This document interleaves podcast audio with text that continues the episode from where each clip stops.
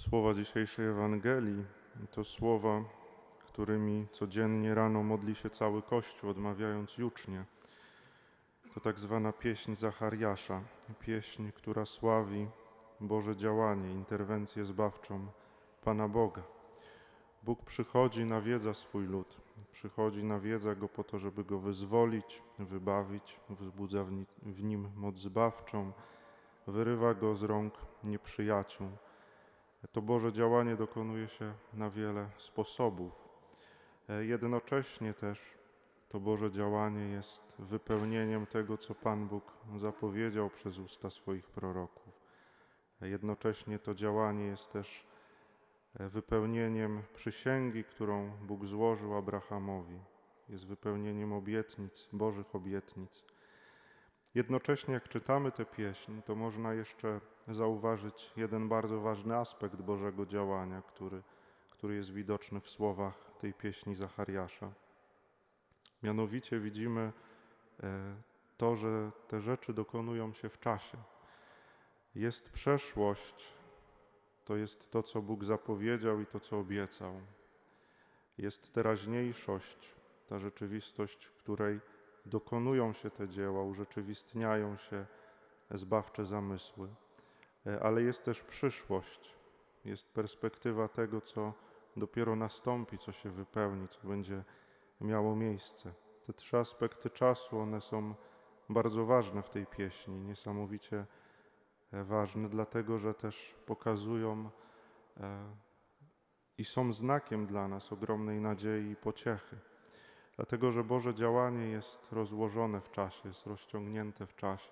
Nie jest tak, że Pan Bóg działa tylko i wyłącznie w jakimś jednym momencie, w jakimś jednej uprzywilejowanym czasie, uprzywilejowanej chwili. Nie jest tak, że Boże działanie jest tylko i wyłącznie ograniczone do jakiegoś czasu, czy zawierające się w jakimś czasie.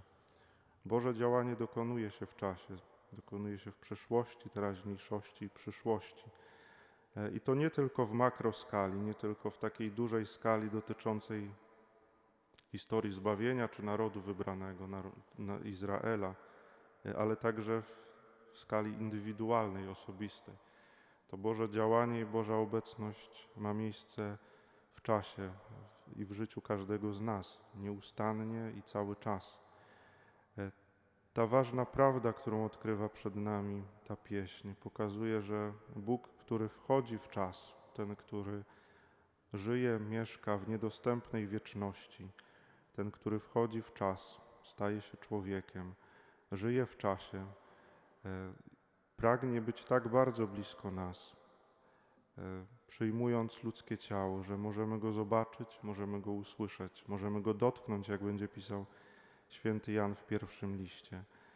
Bóg wchodzi w czas po to, żeby, żeby był blisko nas.